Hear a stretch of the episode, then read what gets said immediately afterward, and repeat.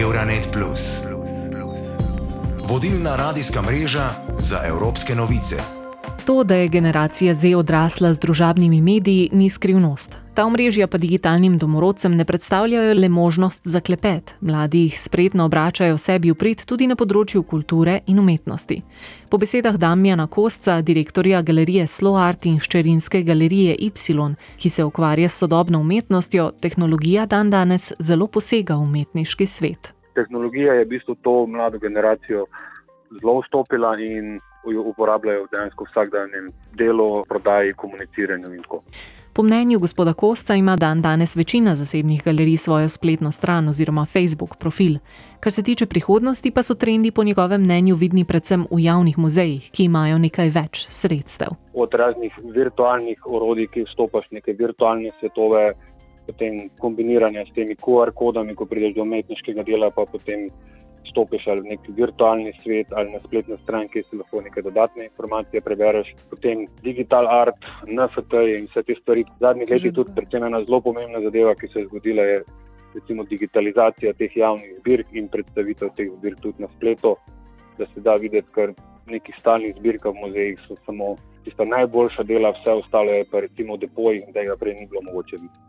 Kaj pa pri umetnosti sploh zanima generacijo Z? Pri mladih, glede trendov na področju tem, se pa ta mlada publika oziroma mladi umetniki zelo kritično nastrojeni, predvsem do nekih teh klasičnih tem, ko se trenutno dogajajo v tem okolju, ekologija, potem manjšine, človekove pravice, neenakost, odrasne in ekonomska in druge razdeljenost in te stvari. In ena tema, ko se zdaj zadnjih par let tudi zelo pojavlja v velikih številu teh umetnikov, je tudi eh, koronska zadeva in to, kako je to obdobje vplivalo na medčloveške odnose.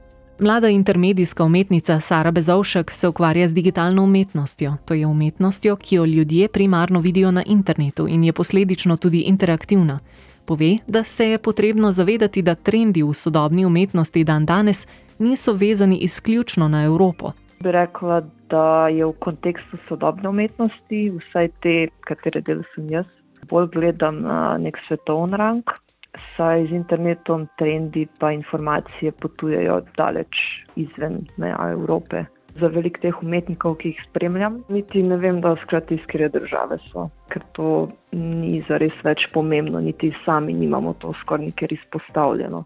Mladih umetnikov se posledično dotaknejo svetovne teme. Ena izmed teh je tudi vojna v Ukrajini. Tako kot mnogi drugi je umetnik Linas Kaziulionis ob izbruhu vojne v Ukrajini občutil strah in tesnobo. Litvanski mladenič je posledično svojo ustvarjalno dejavnost takoj posvetil Ukrajini. Pravi, da je to njegov osebni prispevek k boju. Ne tik aš galvoju apie tai, bet ir kiti. O tem ne razmišljam samo jaz, ampak tudi drugi. In to je res super občutek.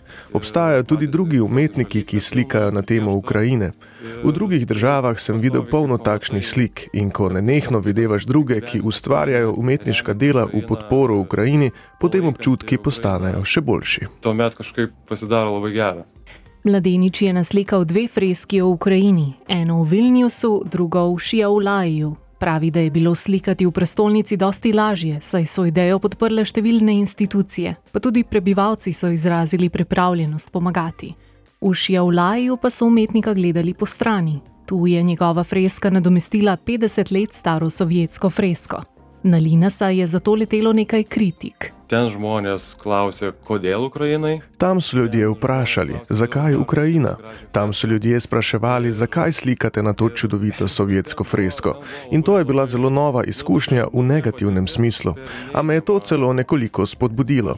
Rekel sem si, Linas, pojdi in naredi to, ki je druge, morda celo v Visaginas, da naslikaš fresko za Ukrajino.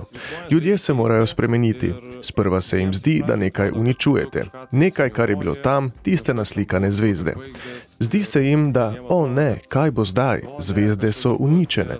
To sliko sem ustvaril in se je nihče ni dotaknil, čeprav so vsi rekli, da se jo bo poškodovalo in tako naprej. Ljudje se obotavljajo, saj vidijo, da je lepo in da je potrebno. Zato želim to početi še naprej. Toliau važiuoti ir skleisti.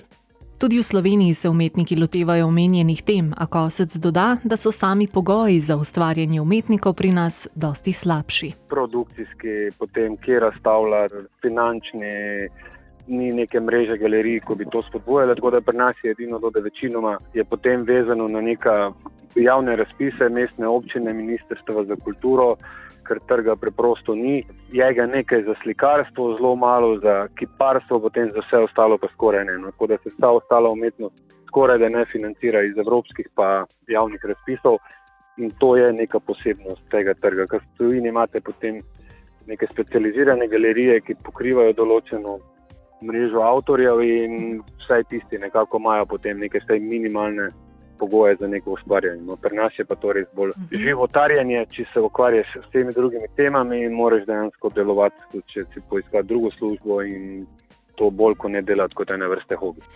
Poglejmo še, kako na umetniško življenje gleda René de Vri, zgodovinarka in performativna umetnica iz Nizozemske.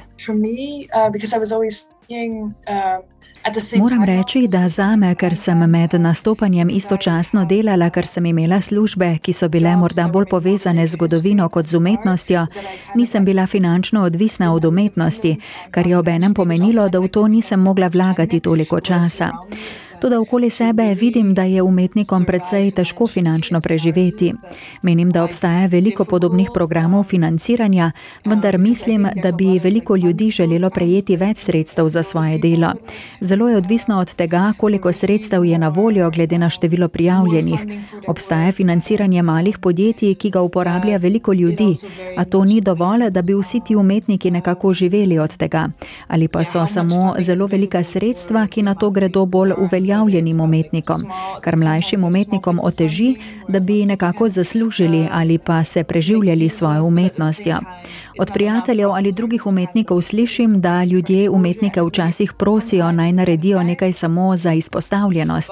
Včasih je to po svoje lepo, ampak in to ni nujno moj primer, ker je to nekaj, kar počnem poleg študija. A ljudje, ki resnično želijo porabiti veliko časa za svojo umetnost, bi morali biti tudi ustrezno plačani za število ur, ki jih za to porabijo. In to ni kar tako, oh, morda pa lahko kaj zaigraš ali naslikaš za ta dogodek. Lepo je, ko ljudje poznajo tvoje ime, a menim, da mora biti ta izpostavljenost zelo dobra, da je nekdo pomislil, ok, pravzaprav je to vredno veliko brezplačnega dela, ki bo vloženega v to. Tudi hkrati vidim, da se dogaja, da umetniki, ko delajo z drugimi umetniki, resnično poskušajo narediti situacijo čim bolj pošteno, resnično poskušajo misliti v smislu, ok, resnično si želim plačati ljudem, s katerimi delam, tudi če to morda ni največji znesek. Veliko ljudi tudi poskuša razdeliti razpoložljiva sredstva na vse ljudi, s katerimi delajo. Seveda pa nisem prepričana, ali ta primer velja za vse situacije, ker si lahko tudi predstavljam, če morda kdo dela na večjem projektu in njihov mesečni dohodek temeli na tem, nisem čisto prepričana, kako strokovnjaki to počnejo. Is based on this, then I'm not quite sure how V prodajnem smislu, po kostcevih besedah, tako v Sloveniji, kot tudi po Evropi, še zmeraj prevladuje slikarstvo. Mislim, da je verjetno več kot polovica ali pa 70% umetnin, ko se jih proda na trgu, so še zmeraj slike. Morda pa temu ne bo več dolgo tako. V lanskem poročilu Mednarodnega umetniškega sejma Art Basel je bilo namreč naraščajoče zanimanje za digitalno umetnost zelo očitno, zlasti za mlajše zbiratelje. Nova generacija, ko pa prihaja, pa se tudi poslužuje vedno novih, tako kot zdaj pač prihaja ta digitalna umetnost, prihaja tudi hibridna umetnost tega, recimo po bienalih in pa raznih sejmih in tega zelo veliko, potem razne instalacije. Predtem pa zelo povezovanje tehnologije, mešanih medijev, videa in to, tako da trendi prihajajo, da se dejansko tehnologija ali je v bistvu uporaba samo tehnologije, kot so recimo NFT in digitalna umetnost, ali pa neka hibridna ki se tehnologija dopolnjuje, recimo umetna inteligenca, ko projicira na neke instalacije, objekte ali take stvari. Kje pa mladi kupujejo umetnost? Bezovškova pravi, da mladi največ informacij glede umetnikov in umetniških del dobijo kar na Instagramu. Pa, pa odvisno, kam nas vodijo umetniki od tam, torej do vem, njihovih portfolijev, do spletnih razstav, do drugih platform, kjer živijo njihova dela ni zares spet nekega centraliziranega vira. Veliko se tudi delimo med sabo, dela pa ponavadi kupujemo kar osebno od umetnikov, ker je to tudi omogočeno s tem osebnim stikom prek interneta. Drugače pa kupujemo v manjših, kakih cenejših galerijah, če zdaj gledam na Slovenijo, ker si lahko prvoščimo nakup umetniških del. Vse kot ni skrivnost, mlajši umetniki načeloma nimamo teh globokih žepov. Za umetnike in umetnice so na voljo tudi sredstva EU in sicer na spletni strani culture.ec.europa.eu. Tam najdete vodnik po možnostih financiranja kulturnih in ustvarjalnih sektorjev za obdobje do leta 2027. Z interaktivnim vodnikom želi Evropska komisija olajšati dostop do možnosti financiranja in aktualnih razpisov na voljo kulturnim in ustvarjalnim sektorjem iz vseh virov financiranja Evropske unije.